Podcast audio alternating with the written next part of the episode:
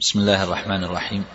الحمد لله رب العالمين والصلاة والسلام على أشرف الأنبياء والمرسلين نبينا محمد وعلى آله وصحبه أجمعين. أما بعد فالخامس عشر أقسام الناس في الصبر. يمكن أن نجمل هذه الأقسام بأربعة وهم من يشهد الأمر الكوني يعني القضاء والقدر والحقيقة الكونية دون أن يشهد الأمر الشرعي أي الحقيقة الشرعية. وهذا حال كثير ممن قد يصبرون على ألوان البلايا والآلام والمصائب إلا أنهم لا يقفون عند أمر الله الشرعي فلا يقفون عند حدود الحلال والحرام ولا يفعلون ما أمرهم الله تبارك وتعالى به لكنهم قد يتجلدون. ويصبرون ويتحملون كثيرا ولكن تحملهم هذا إنما هو في الأمور التي لا اختيار لهم فيها. فهؤلاء لا يفرقون في حقيقة الأمر بين ما يحبه الله عز وجل وبين ما يسخطه. النوع الثاني من يشهدون الأمر الشرعي دون الأمر الكوني. عكس أولئك وهؤلاء من ضعفاء أهل الإيمان. قد تجد الرجل مصليا صائما ذاكرا عابدا ولكن ما ولكن هذا الإنسان إذا وقع له شيء من المكروه وقعت له مصيبة فهو في غاية الجزاء.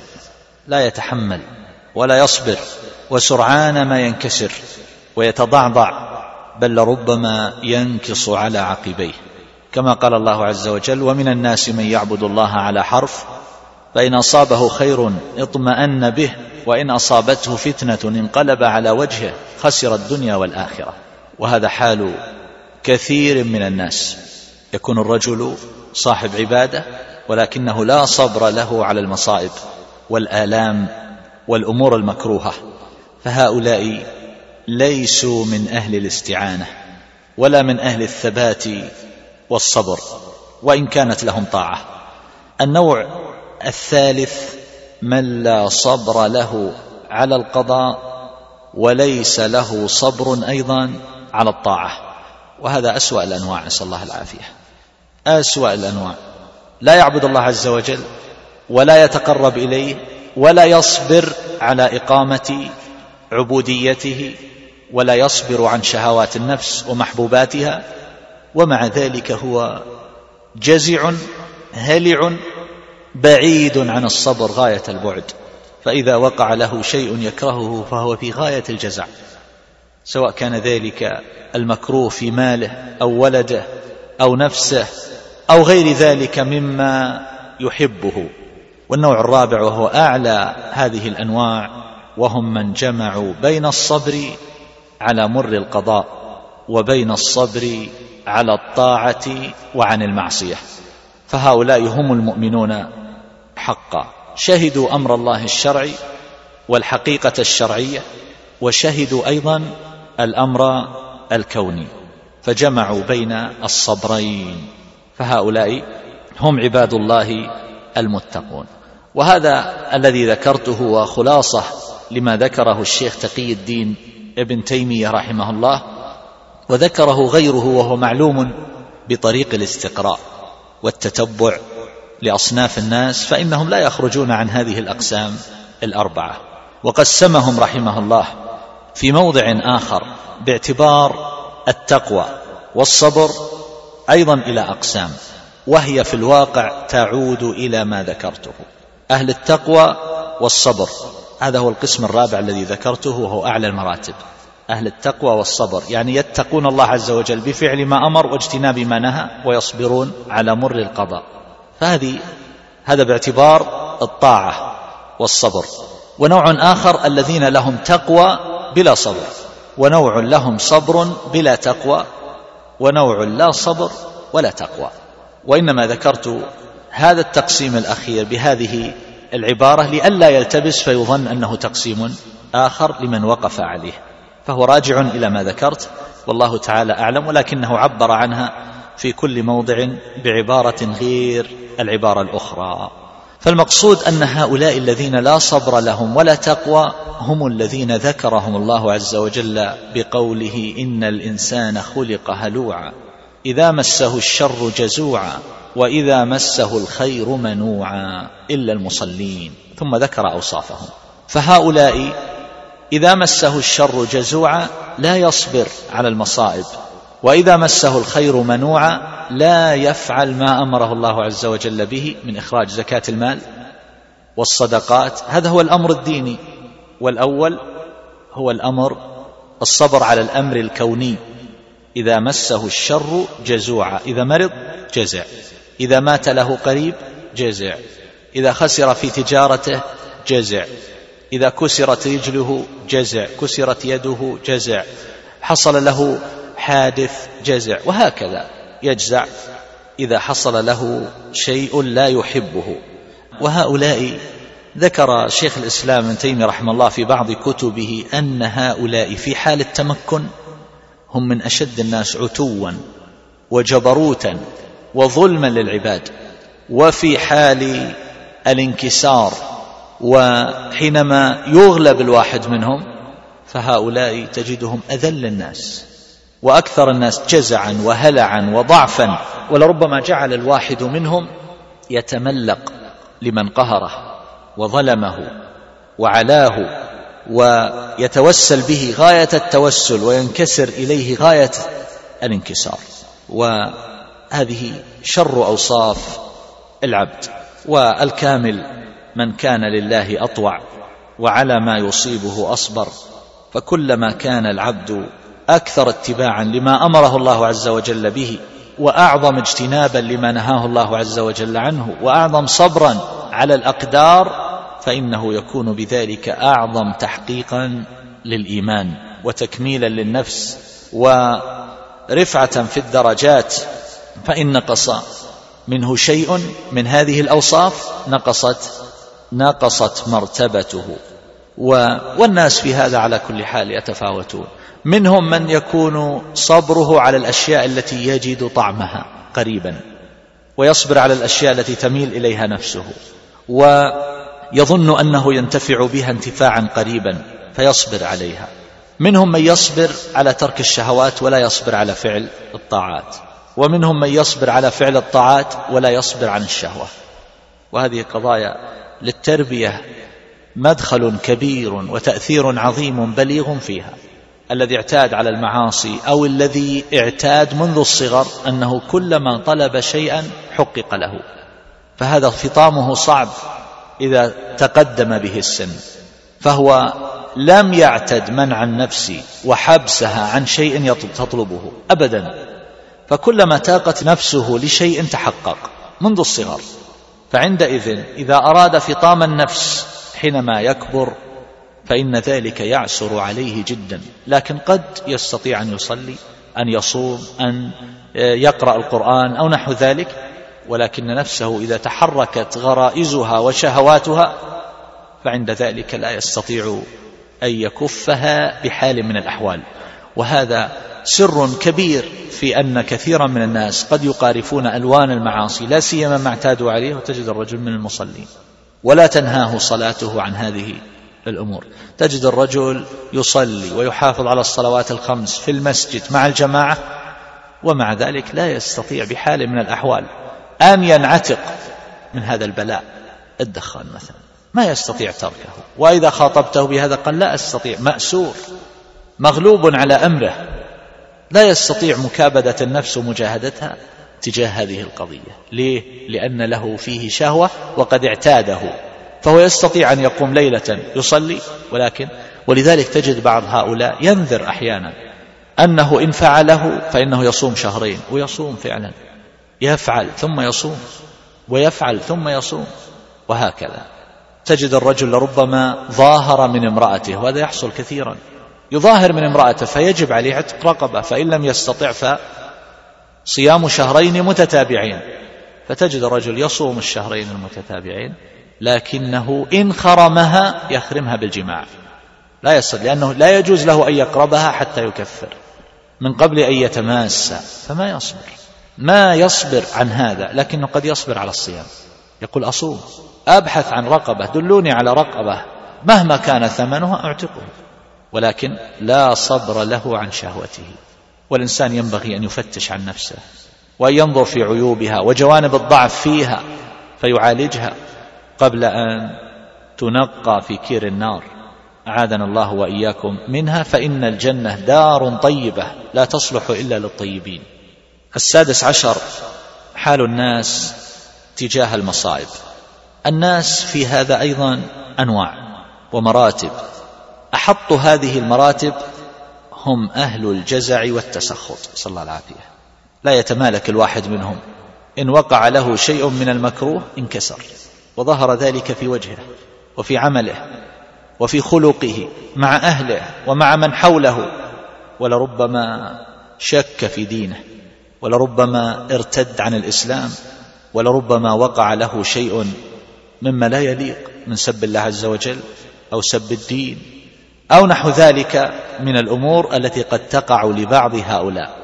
فهذا الإنسان صاحب جزع وتسخط ولربما ولول وبكى كما تبكي النساء ولربما بقي منطويا على نفسه لا ينتفع بشيء ولا ينتفع به بشيء لغلبة الجزع عليه.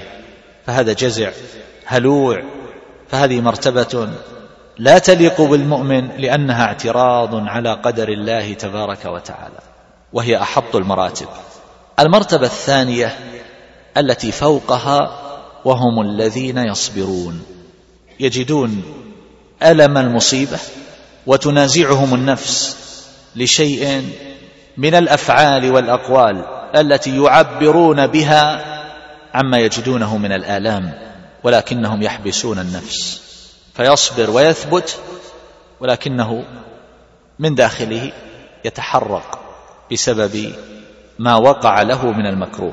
فهذه مرتبة طيبة يأجر الله عز وجل الإنسان عليها وهي مرتبة واجبة لا بد للعبد منها وإلا وقع في الإثم. وهي وإن كانت مرة إلا أن عواقبها طيبة والصبر الصبر مثل اسمه مر مذاقته لكن عواقبه أحلى من العسل. فلا بد للإنسان من مثل هذا فهو يرى أنه شيء ثقيل عليه لكن يجب عليه أن يتحمله وأن يثبت على مراد الله عز وجل. وهناك مرتبة فوق هذه وهم أولئك الذين يحصل لهم الرضا بمر القضاء. هؤلاء ارتاضت نفوسهم بالصبر وزادوا على ذلك فارتقوا درجة وهي درجة الرضا. وسيأتي الكلام على الرضا إن شاء الله كلاما مفصلا يشبه الكلام عن الصبر. فهؤلاء فعلوا الواجب وزادوا عليه أمرا مستحبا فهذا يسبح في القضاء والقدر كما قيل. يسبح في القضاء والقدر حيثما حطه حيثما حطه رضي به ونزل عنده وقبل ذلك عن الله عز وجل بالرضا التام من غير اعتراض ولا تسخط ولا جزع سواء نزل به على سهل أو جبل. أصيب بنعمة أو أصيب بأمر مكروه فهو يتقلب بين مرادات الرب تبارك وتعالى تقلب الراضي عن ربه جل جلاله. لأن ذلك شيء أراده الله عز وجل له فلسان حاله يقول ليس لاختيار سوى اختيار المعبود جل جلاله. فما رضيه لي ربي رضيته لنفسي. الفرق بينه وبين الأول بين الصابر الصابر يحبس نفسه ويتمنى الخلاص من هذه الحال بأسرع ما يكون والانتقال منها إلى حال العافية. أما الراضي هذا فيختلف. لا يتمنى الانتقال منها إلى غيرها. جاءه مرض. قال له الطبيب عندك المرض الفلاني الكبد متليفة. هذا الورم الذي فيك ورم خبيث.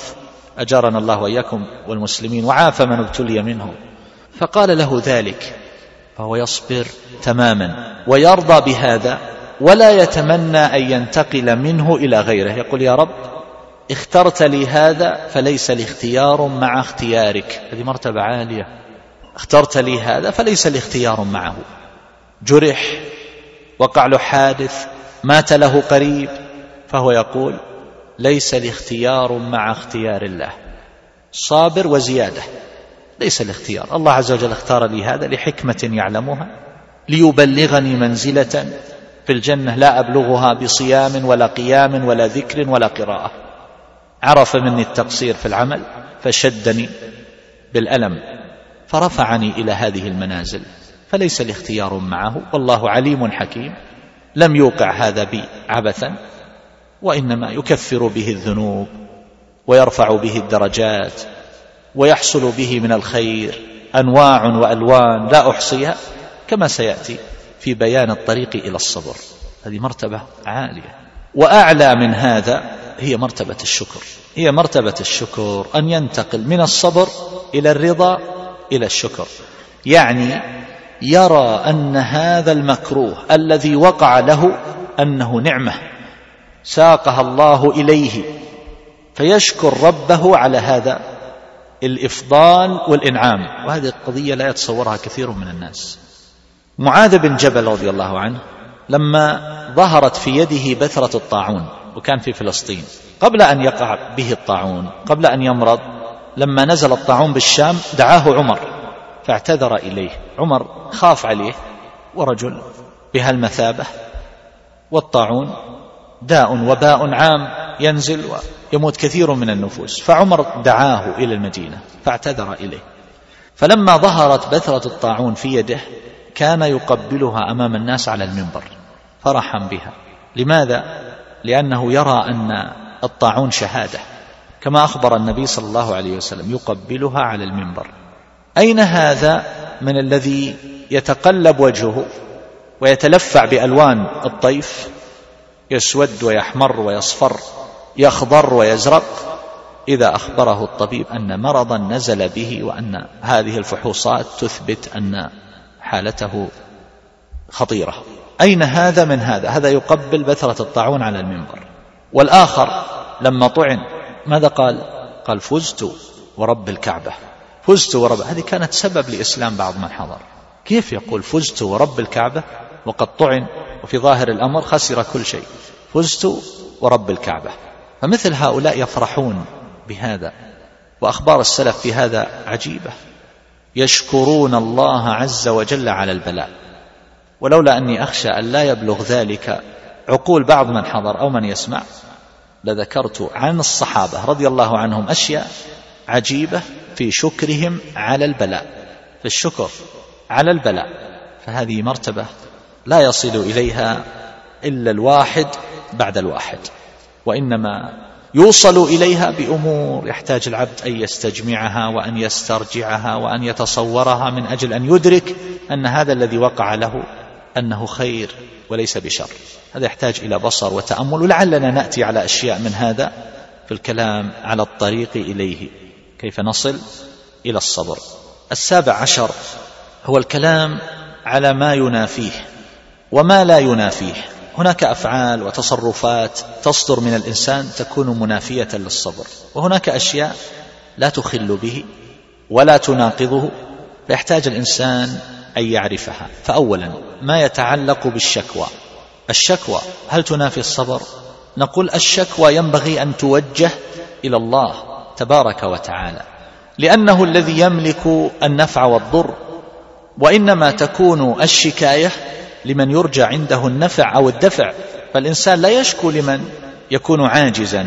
فإذا نزل الضر بالإنسان نزلت به المصيبة نزل به البلاء فليس أمامه إلا الله تبارك وتعالى يشكو إليه هذا الذي نزل به. فهذا هو الواجب على الإنسان. ولذلك سبق معنا في معنى الصبر أنه ترك الشكوى من ألم البلوى كما عبر عنه. بعضهم لغير الله عز وجل. فالله تبارك وتعالى أثنى على أيوب صلى الله عليه وسلم. قال إنا وجدناه صابرا. مع أنه قال في دعائه أني مسني الضر. أني مسني الضر فهو يشكو لكن يشكو لمن؟ يشكو إلى الله.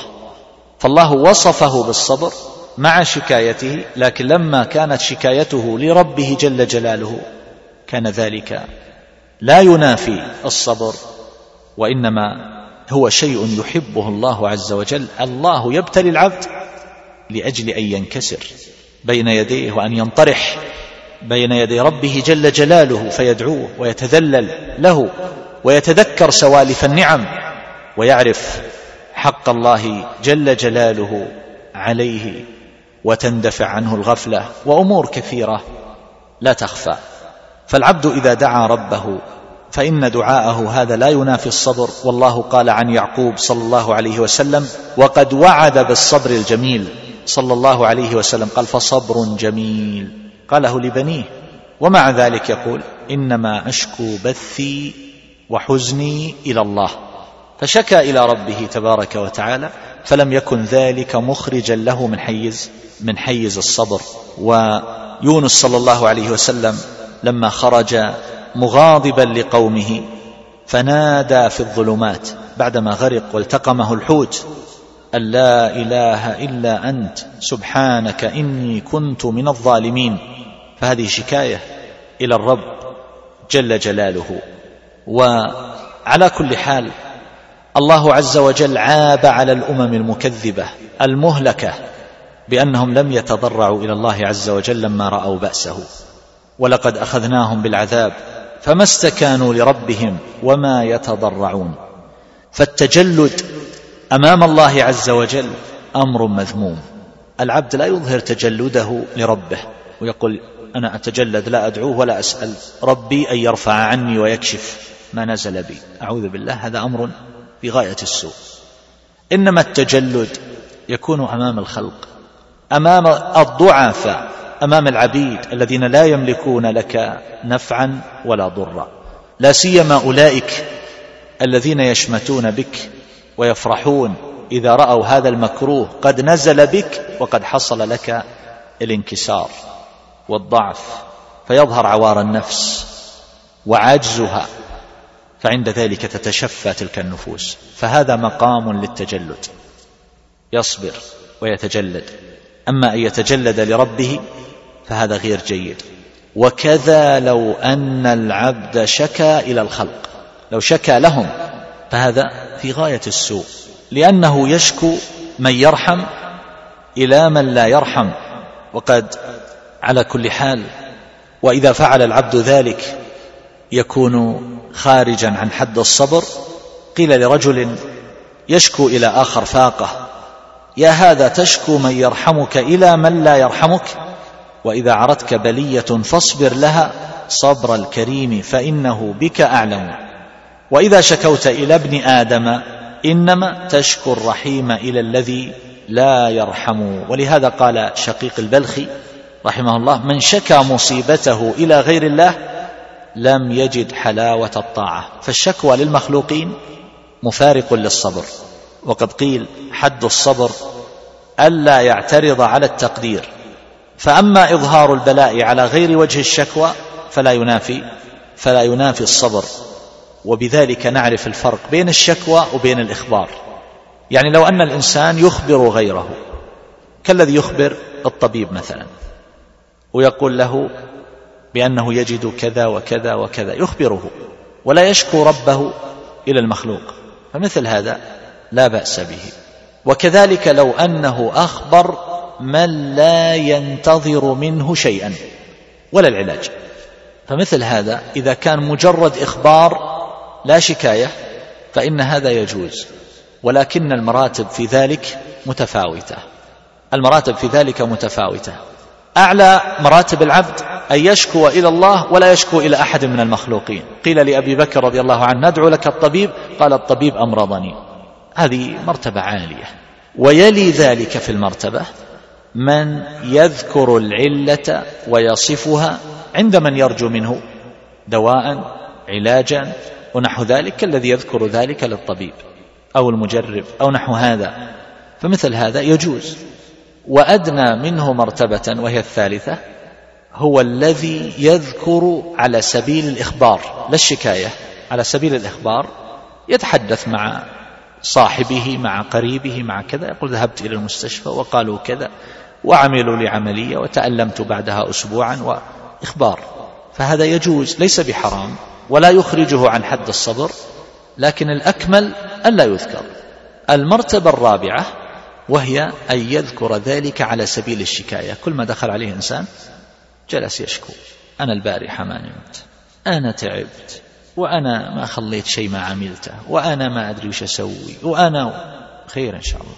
ماذا تريد؟ وتشكو لمن؟ تشكو لإنسان ضعيف لا يملك نفعا ولا ضرا لنفسه. اشكو إلى الله عز وجل توجه إليه اسأله أن يرفع ما بك. فهذا لا يليق ويدل على قلة عقل الإنسان وعلى ضعفه وكل. هذا أمر لا يليق أيها الأحبة إطلاقا ولكن الإنسان ينسى أو قد ينسى إذا ابتلي. وقد تكون شكواه بلسان الحال لا بلسان المقال. وكل ذلك لا يليق. ومما يدل على الفرق بين هذه المراتب وأن الإخبار المجرد ليس من الشكاية. جملة أمور منها أن النبي صلى الله عليه وسلم قال في وجعه ورأساه وقال سعد رضي الله عنه سعد بن أبي وقاص لما مرض وخاف أن يموت قال يا رسول الله قد اشتد بي الوجع وأنا ذو مال هو يريد أن يستفتي النبي صلى الله عليه وسلم في أن يوصي بماله أو بنصف ماله أو ب فيقول قد اشتد بي الوجع هو لا يشكو الله عز وجل وإنما يخبر عن واقع الأمر. وكذلك عائشة رضي الله عنها قالت ورأساه فقال النبي صلى الله عليه وسلم بل أنا ورأساه فهذا على سبيل الإخبار وليس على سبيل التسخط وشكاية الرب جل جلاله. ومما ينافي الصبر ولا بد الجزع فالصبر والجزع ضدان لا يجتمعان أبدا ولهذا يقابل أحدهما بالآخر. يقال إنسان إما صابر وإما جزع ويقال الصبر خلاف الجزع ضد الجزع ويعرف بذلك. والله عز وجل قال عن أهل النار سواء علينا أجزعنا أم صبرنا. فذكروا الصبر وما يقابله من الجزع. فالحاصل أن الجزع قرين العجز كما قيل وشقيقه والصبر قرين الكيس ومادته.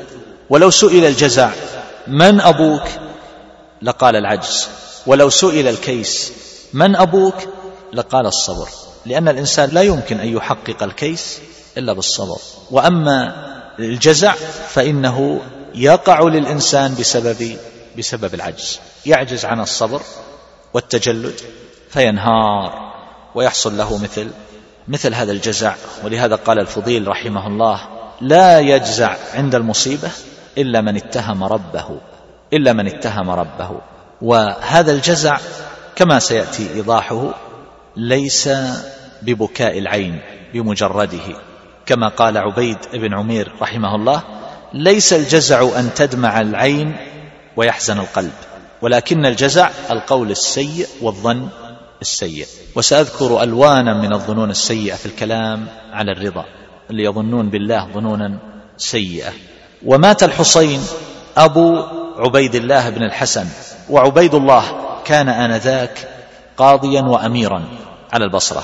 فكثر من يعزيه فتذاكر من حضر من أهل العلم. تذاكروا الأمر الذي يكون الإنسان به جزعا. ما هو الحد؟ الضابط بذلك. فأجمعوا أنه إذا ترك شيئا مما كان يصنعه فقد جزع. أجمعوا على هذا. أما ما يتعلق بالبكاء والحزن الذي أشرت إليه قبل قليل فالعلماء رحمهم الله تكلموا على هذه المسألة. إذا بكى الإنسان عند المصيبة هل يكون جزعا أو لا يكون جزعا؟ فذهب بعضهم كالإمام أحمد وأبي حنيفة رحمهم الله إلى أنه يجوز أن يبكي الإنسان على ميته بعد الموت. كما يجوز له أن يبكي قبله يعني عند أمارات الموت. ولم يفرقوا بين هذا وهذا. يبكي قبل خروج الروح ويبكي بعد خروجها. استدلوا على هذا بجملة من الأدلة.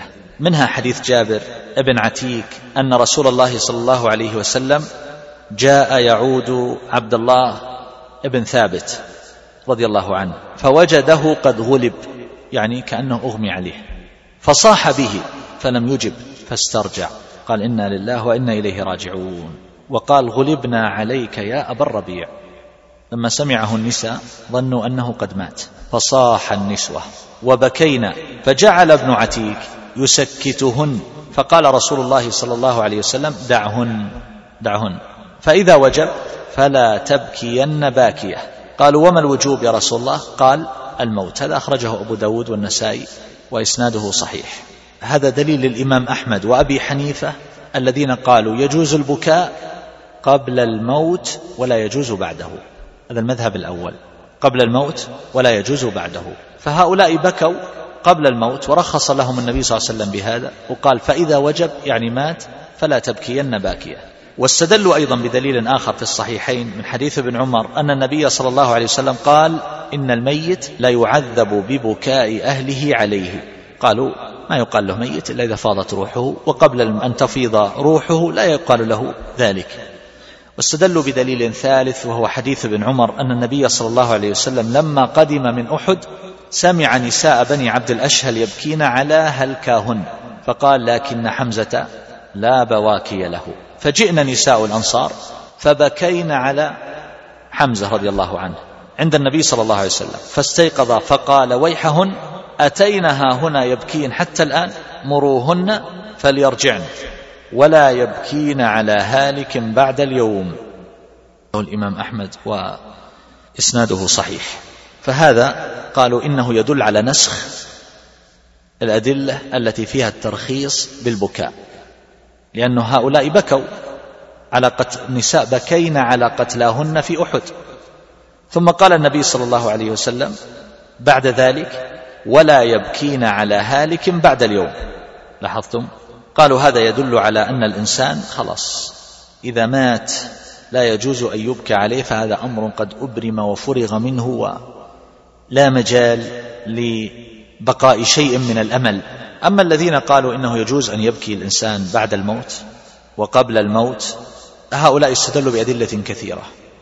منها حديث جابر بن عبد الله رضي الله عنه قال أصيب أبي يوم أحد فجعلت أبكي.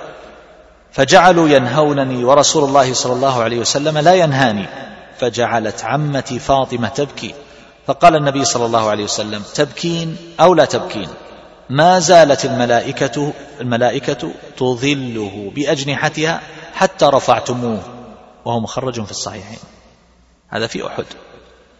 واستدلوا بدليل آخر في الصحيحين وهو حديث ابن عمر قال اشتد آه، أو اشتكى سعد بن عبادة رضي الله عنه شكوى له. ليس المرض الذي مات فيه لأنه مات بعد النبي صلى الله عليه وسلم.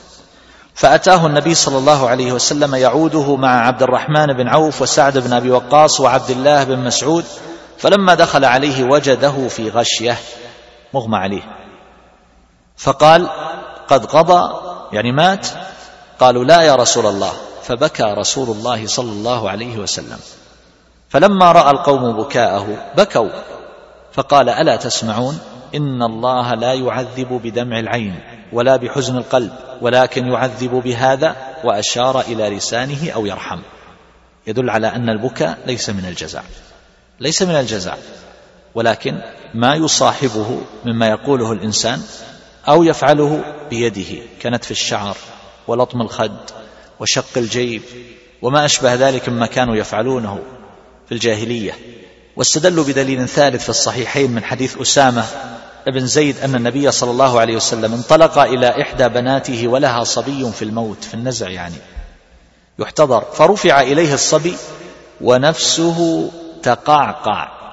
صوت النفس الروح وهي توشك على الخروج.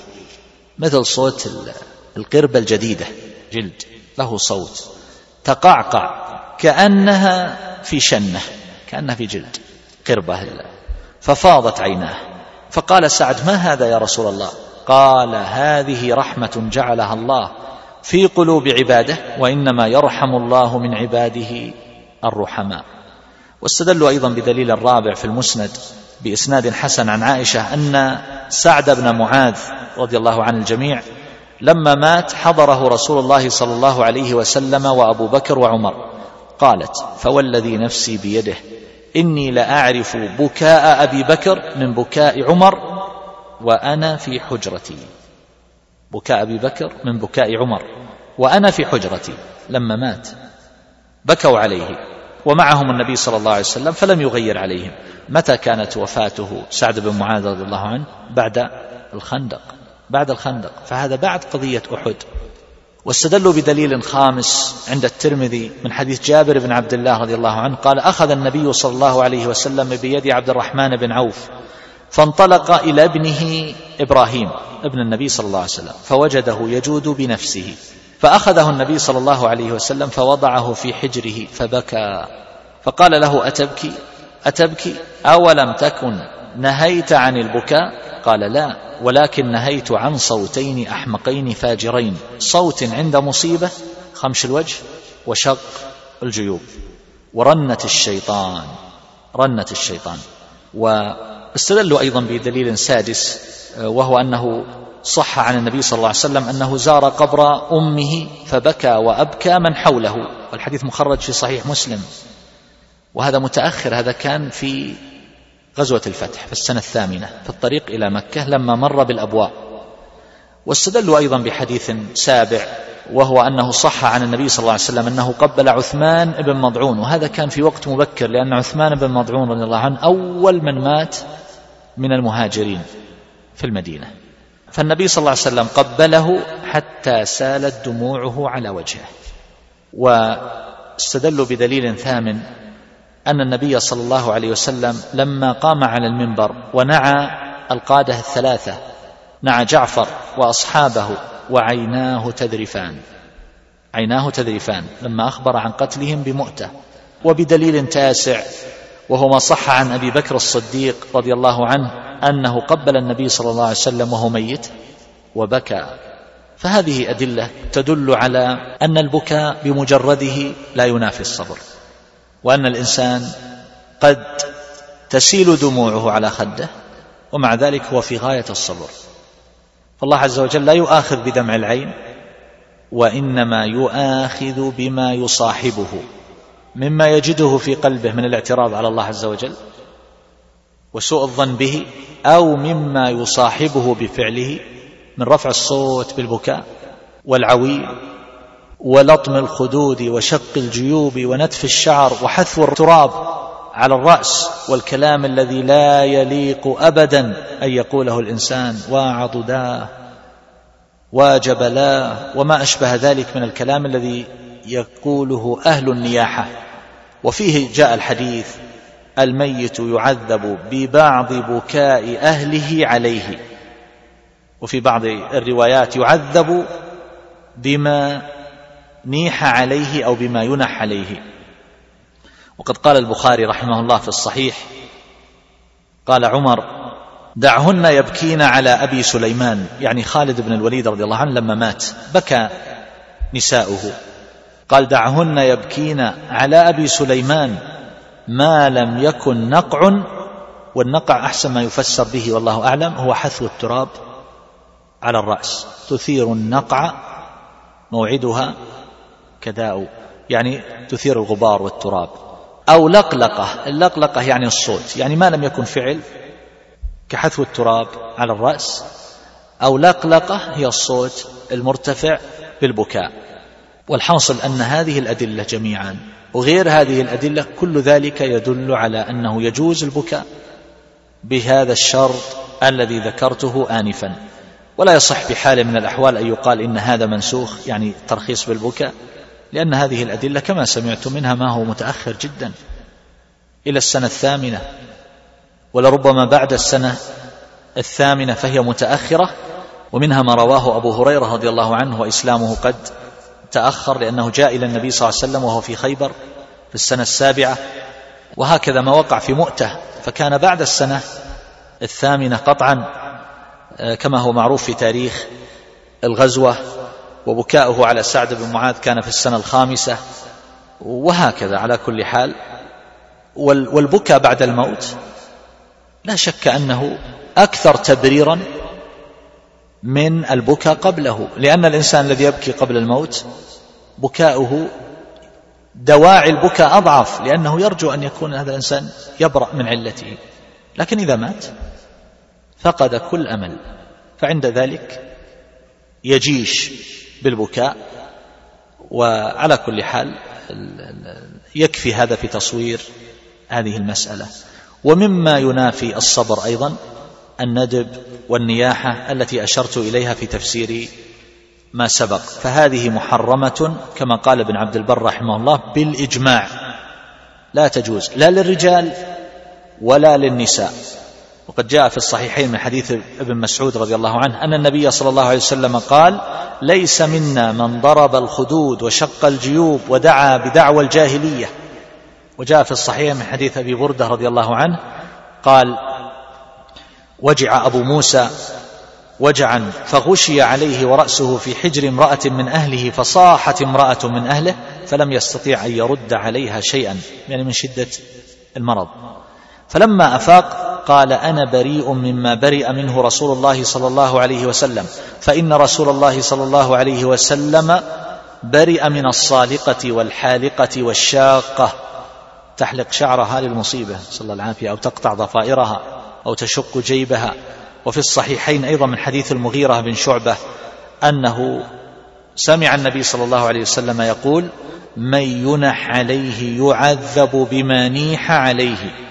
وجاء في الصحيحين من حديث أم عطية رضي الله عنها في البيعة التي أخذها النبي صلى الله عليه وسلم على النساء ألا ننوح. هذا ضمن الأمور التي أخذها النبي صلى الله عليه وسلم عليهن. وفي صحيح البخاري من حديث ابن عمر أن النبي صلى الله عليه وسلم قال الميت يعذب في قبره بما ينح عليه. وفي مسلم من حديث أبي مالك الأشعري أن النبي صلى الله عليه وسلم قال أربع في أمتي من أمر الجاهلية. لا يتركونهن. الفخر بالأحساب والطعن في الأنساب والاستسقاء بالنجوم والنياحة. وقال النائحة إذا لم تتب قبل موتها تقام يوم القيامة وعليها سربال من قطران ودرع من جرب. صلى الله العافية قطران أشد تلهبا وتوقدا. والجرب فيه ما فيه من الأذية والحكة والتآكل الجلد فيجتمع عليها هذا وهذا. وأيضا صح في سنن أبي داود من حديث أسيد ابن أبي أسيد عن امرأة من المبايعات قالت كان فيما أخذ فيما أخذ علينا النبي صلى الله عليه وسلم في المعروف الذي أخذ علينا ألا نعصيه فيه يعني ولا يعصينك في معروف ألا نخمش وجها ولا ندعو ويلا ولا نشق جيبا ولا ننفش شعرا وفي المسند أيضا من حديث أنس قال أخذ النبي صلى الله عليه وسلم على النساء حين بايعهن ألا ينحن ألا ينحن. فقالت بعض النساء يا رسول الله إن نساء أسعدتنا في الجاهلية. يعني جاءت ناحت فنرد فنريد أن نرد لها الجميل ننوح إذا حصل لها مصيبة. فأفنسعدهن في الإسلام؟ فقال لا إسعاد في الإسلام. وهذا أخرجه الإمام أحمد وإسناده حسن. نعم. وجاء أيضا في مسند الإمام أحمد من حديث أبي موسى أن النبي صلى الله عليه وسلم قال الميت يعذب ببكاء الحي إذا قالت النائحة وعضداه وناصراه وكاسياه جبذ الميت وقيل له أنت عضدها أنت ناصرها أنت كاسيها هذا أخرجه الإمام أحمد وإسناده حسن. وفي البخاري من حديث النعمان بن بشير قال أغمي على عبد الله بن رواحة فجعلت أخته عمرة تبكي وتقول وجب له وكذا وكذا تعدد عليه. فقال حين أفاق ما قلت لي شيئا إلا قيل لي أنت كذا. فلما مات لم تبكي عليه. فمثل هذه الأمور لا شك أنها أنها منافية للصبر بخلاف الكلمة اليسيرة التي يقولها الإنسان. نعم مما لا ينافي صبره فإذا كانت هذه الكلمة من الصدق والحق وليس فيها مبالغة ولا اعتراض على الله عز وجل ولا تسخط فمثل هذه تجوز. ومما يدل على ذلك الحديث الذي أخرجه الإمام البخاري في صحيحه عن أنس رضي الله عنه قال لما ثقل النبي صلى الله عليه وسلم جعل يتغشاه الكرب. فقالت فاطمة وكرب أبتاه. فقال ليس على أبيك كرب بعد اليوم. فلما مات قالت يا أبتاه أجاب ربا دعاه يا أبتاه جنة الفردوس مأواه يا أبتاه إلى جبريل ننعاه. وقال النبي صلى الله عليه وسلم لما مات إبراهيم ابنه قال وإنا بك يا إبراهيم لمحزونون. فهذا ليس فيه تسخط على القدر وليس فيه اعتراض ولا شيء فيه إن شاء الله. بعد ذلك ننتقل إلى الثامن عشر وهو الطريق إلى الصبر. كيف نتصبر؟ كيف نصل إلى هذه الخصلة العظيمة الواجبة التي من انسفل عنها فقد وقع في الجزع الذي حرمه الله عز وجل عليه؟ كيف نصل إلى الصبر؟ أقول سأذكر أمورا كثيرة جدا يمكن للإنسان أن يصل معها إلى الصبر يصبر نفسه. فأول ذلك أن يتذكر الإنسان أن الله عز وجل قد ارتضى له هذا الأمر واختاره له وأن العبودية الحقة تقتضي أن يرضى بما رضي الله عز وجل له. تقتضي أن يرضى. هذا الإنسان شلت أطرافه. هذا الإنسان أصابه مرض خطير. هذا الإنسان ذهبت تجارته احترق دكانه احترق بيته وفيه عياله. نعم. انقلب في سيارته رأى أولاده يتناثرون بين يديه يموتون الواحد بعد الواحد فيصلى عليهم جملة يخرج عن طوره يضرب على رأسه يصيح. ماذا يفعل؟ ذكر أن الله عز وجل قد ارتضى له هذا الشيء واختاره له. فالعبودية تقتضي الرضا بما اختاره الله تبارك وتعالى له. والأمر الثاني تذكر أن الذي ابتلاك بهذا هو أرحم الراحمين وهو أحكم الحاكمين. أرحم الراحمين. فهو أرحم بك من نفسك وأرحم منك بهؤلاء الذين تبكيهم ولربما تجزع لفقدهم. وهو أرحم بك حينما وقع لك هذا المكروه في مالك أو في غيره مما تحب. وأمر ثالث وهو كما يقول الحافظ ابن القيم رحمه الله في طريق الهجرتين. أن يعلم الإنسان أن هذه المصيبة هي دواء نافع ساقه الله إليه. ساقه إليه الطبيب العليم بمصلحته الرحيم به فليصبر على تجرعه. ولا يتقيأه بتسخطه وشكواه فيذهب نفعه باطلا. هذا دواء؟ دواء. ساقه إليك الطبيب. فهو دواء فهو دواء مر مكروه. يحتاج إلى أن تتجرعه وأن تصبر حتى يحصل المقصود من هذا الدواء. فإذا لفظه الإنسان أو استفرغه أو أباه ابتداء فإنه يبقى على علته ولا يحصل ولا يحصل مطلوبه ولا يحصل الغرض من هذا الدواء الذي ساقه الله إليه. وأمر الرابع نتذكر جيدا أن هذه الأمور المكروهات التي تقع لنا إنما هي بسبب ذنوبنا وتقصيرنا وجرائمنا. والله يقول وما أصابكم من مصيبة فبما كسبت أيديكم ويعفو عن كثير. فيكون شغل العبد بدلا من الجزع والتفكير بإعادة شريط الذكريات السيئة وصورة هذا الإنسان وهو يموت أو صورة هذا الإنسان وهو يتشحط أو مما لا يجدي له نفعا أن يكون التفكير بالتقصير. ومعرفة الذنوب التي أوجبت له مثل هذه المصيبة فيتدارك ذلك ويرجع إلى الله عز وجل وتكون هذه البلية والمصيبة سببا لتصحيح المسار وتقويم سلوك العبد وتهذيب نفسه وإصلاح قلبه بدلا من أن يرجع إلى نفسه باللوم على أمور قد فاتت لا يجدي التلوم عليها. وقد قال علي رضي الله عنه ما نزل بلاء إلا بذنب وما رفع إلا بتوبة. هذه الخسائر التي مني بها الناس اليوم وليس لهم حديث سواها. المفروض أن يرجعوا إلى أنفسهم.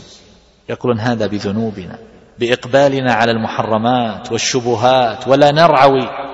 ونسخر حينما نسمع أن فلانا وفلان يقول لا يجوز وهذا حرام أو أن فلانا قد تورع من هذا وكنا نعتقد أن ذلك من البلاهة لأن هذه السنيات إذا ما صار الإنسان فيها ثريا فلن يكون ثريا بعد ذلك فمني الناس بما تعرفون. فالمفروض أنهم يرجعون إلى ذنوبهم. هذه المصائب العامة التي تقع والمصائب الخاصة. المفروض أن يقول الناس هذا بسبب بعدنا عن الله عز وجل. المفروض أن نرجع إليه وأن نصحح حالنا مع الله. لا أن يستزيدوا من الذنوب والمعاصي ويكاشرون الله عز وجل فيها. وهم يمتحنون ويقلبون بألوان المحن. والبلايا من حولهم ألوان وألوان. فهذا هو شأن الإنسان العاقل.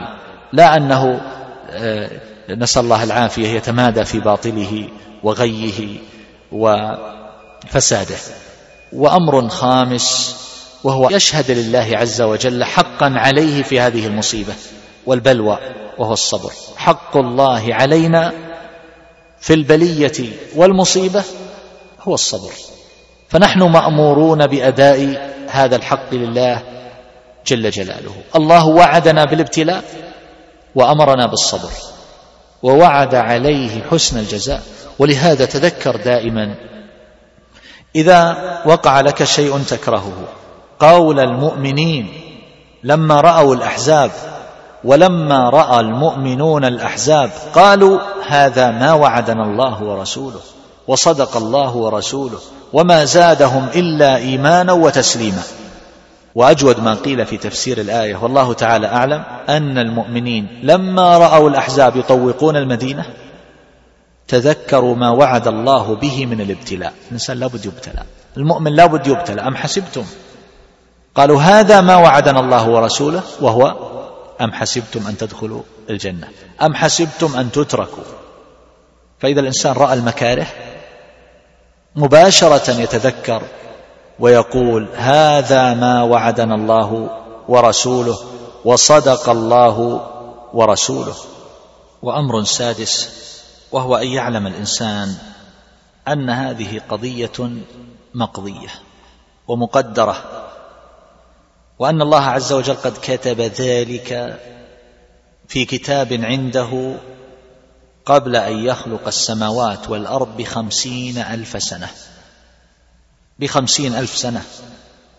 وأن الله عز وجل قد كتب للإنسان وهو في بطن أمه أيضا حينما بعث إليه الملك فأمره بأربع كلمات. أن يكتب أجله ورزقه وعمله شقي أم سعيد؟ فهذه الأشياء التي تقع للإنسان لا بد من حصولها. فلا يقال لو أنه ما سافر هذه الساعة لو أنه ما فعل كذا لو أنه ما ذهب مع فلان لو أن هذه أمور لا تنفع. هذا أمر لا بد أن يقع. أو يتآكل بعض الناس يقول لو أني ما تاجرت بالتجارة الفلانية أو إذا كان هذا الاستدراك الخطأ فقط للمستقبل لا على سبيل التحسر فلا بأس أن يستفيد الإنسان من أخطائه وأن يراجع عمله. هذا لا إشكال فيه لكن على سبيل التحسر. هذا أمر لا بد من وقوعه فهو واقع لا محالة فالجزع لا يزيده إلا بلاء. نسأل الله العافية. ولا يرد له فائد فما وجه الجزع؟ وما الداعي إليه؟ والله عز وجل لما خلق القلم أول ما خلق القلم قال له اكتب قال ما أكتب قال اكتب مقادير كل شيء. إلى قيام إلى قيام الساعة. فالعاقل لا يجزع من أمر قد فرغ منه. فما قدره الله عز وجل فلا بد من وقوعه وتحققه. لا بد من هذا. ولو اجتمع الخلق جميعا على دفعه لا يمكن أن يدفعوه. حديث ابن عباس اني اعلمك كلمات احفظ الله يحفظك. إلى أن قال واعلم أن الأمة لو اجتمعوا على أن ينفعوك لم ينفعوك إلا بشيء قد كتبه الله لك. ولو اجتمعوا على أن يضروك لم يضروك إلا بشيء قد كتبه الله عليك. فهذه أمور مفروغ منها فيجب على العبد أن يتزر بإزار بإزار له طرفان كما يقول أبو حاتم رحمه الله. أما طرفه الأول فهو الرضا وأما الطرف الثاني فهو الصبر. ليحصل بذلك الأجر ولا يقع في سخط الله عز وجل والإثم. وقد سئل سلمان الفارسي رضي الله عنه ما الإيمان بالقدر؟ قال إذا علم العبد أن ما أصابه لم يكن ليخطئه. هون على نفسك من سعيها فليس ما قدر بمردود. وارض بحكم الله في خلقه. كل قضائه محمود. لما حاصر الحجاج ابن الزبير في مكة وكان الحجاج يضرب بالمنجنيق وحجارة المنجنيق تأتي من كل ناحية وتقع على الحائط والسواري. فقيل لابن الزبير لا نأمن عليك أن يصيبك منها حجر. فقال هون عليك فإن الأمور بكف الإله مقاديرها فليس يأتيك منهيها. ولا يتأخر عنك مأمورها وأمر سابع وهو أن الجزع يسر الشامت. الجزع أمر يتنفس معه عدوك ويستروح له ويسر فإذا سمع أنه وقعت لك مصيبة يحاول أن يعرف ما هي ردود الأفعال عندك فإذا قيل له هو في غاية الانكسار والضعف والعجز يفرح يفرح ويتنفس. ويتشفى من ذلك. أما أنت فلا تستفيد شيئا من هذا الجزع إطلاقا. فما, فما حاجتك بأمر لا تنتفع به وإنما يفرح به عدوك. وأمر ثامن أن تنظر في العواقب. فليست نهاية هذا الأمر هو بهذا المكروه الذي قد حصل. العبرة في النهايات والمآلات وهذه المآلات لا تقف عند حد الدنيا وإنما تكون قد تكون في الدنيا وقد تكون في الآخرة. والله عز وجل يقول وعسى أن تكرهوا شيئا وهو خير لكم وعسى أن تحبوا شيئا وهو شر لكم والله يعلم وأنتم لا تعلمون. فعسى أن تكرهوا شيئا ويجعل الله فيه خيرا كثيرا. لعل عتبك محمود عواقبه وربما صحت الأجسام بالعلل. فقد يكون هذا الأمر المكروه هو كلذعة الكي التي يكون بعدها الشفاء بإذن الله عز وجل والعبرة بالنهايات. وأمر تاسع وهو أن يعلم الإنسان أن المصيبة ما جاءت لتهلكه وتقتله وإنما جاءت لتمتحن صبره وتبتليه فيتبين عند ذلك من يصلح للعبودية ومن لا يصلح لها. يتبين بذلك من هم أولياء الله عز وجل ومن لا ومن هم الذين لا يصلحون, يصلحون لولايته. فالله يجتبي أهل الولاية والصبر والرضا والشكر ويخلع عليهم خلع الإكرام ويدنيهم ويلبسهم ملابس الفضل ويكونون هؤلاء من أهل قربه. وأما الذي يجزع نسأل الله العافية ينكص على عقبيه فإنه يطرد ويصفع قفاه ويقصى وتتضاعف عليه المصيبة وهو لا يشعر في الحال بتضاعفها وزيادتها ولكن سيعلم بعد ذلك بأن المصيبة في حقه صارت مصائب. كما يعلم الصابر أن المصيبة في حقه صارت نعما عديدة. والمسألة صبر ساعة. صبر ساعة فيحتاج إلى تشجيع القلب تلك الساعة ليتجاوز هذا الضيق. ثم بعد ذلك يصير إلى سلوة وإلى سعة وعافية. والله المستعان. وإلا فلا بد من أن تقلع الأمور المكروهة. لا يدوم المكروه. ولا يكون الشر ضربة لازب لكنها تقلع عن هذا وهذا. تقلع عن الجازع فيبقى له الخيبة بسبب جزعه. ويذهب عنه الأجر وتقلع عن الصابر هذه المصائب. ويبقى له الظفر والأجر والمنزلة عند الله تبارك وتعالى. فكم بين هذا وهذا من الحرمان؟ وهذا فضل الله يؤتيه من يشاء. وأمر عاشر وهو أن يعلم أن الله عز وجل يربي عباده بالسراء والضراء والنعمة والبلاء فيستخرج منهم عبوديته في جميع الأحوال عبودية في حال السراء وعبودية في حال الضراء. والعبد على الحقيقة هو من قام بالعبادة لله عز وجل في الأحوال كلها. ما يكون عبدا في حال النعمة والرخاء والسرور. ويكون نسأل الله العافية عدوا أو ناكصا على عقبيه في حال الشدة والبلاء. وإنما يقوم بعبودية الله عز وجل في العافية وفي حال إصابة المكروه لئلا يكون من أولئك الذين إذا أصابهم خير اطمأنوا به وإذا أصابتهم فتنة انقلبوا على وجوههم خسروا الدنيا والآخرة. فالمؤمن يثبت على هذا وهذا ومن الناس من لا يثبت في حال النعمة ويثبت في حال البلاء. ومن الناس من يثبت في حال النعمة ولا يثبت في حال البلاء. فالابتلاء أيها الأحبة كما قيل كير العبد ومحك إيمانه فإما, فإما أن يخرج بعد الابتلاء تبرا. ذهبا أحمر. وإما أن يخرج, بعد ذلك نسأل الله العافية بمعدن رديء أن يخرج زغلا. نعم. محضا. وإما أن يخرج فيه مادتان. مادة ذهبية ومادة نحاسية أو نحو ذلك. فلا يزال البلاء بالعبد شيئا فشيئا مرة بعد مرة حتى يخرج ما به من دخل.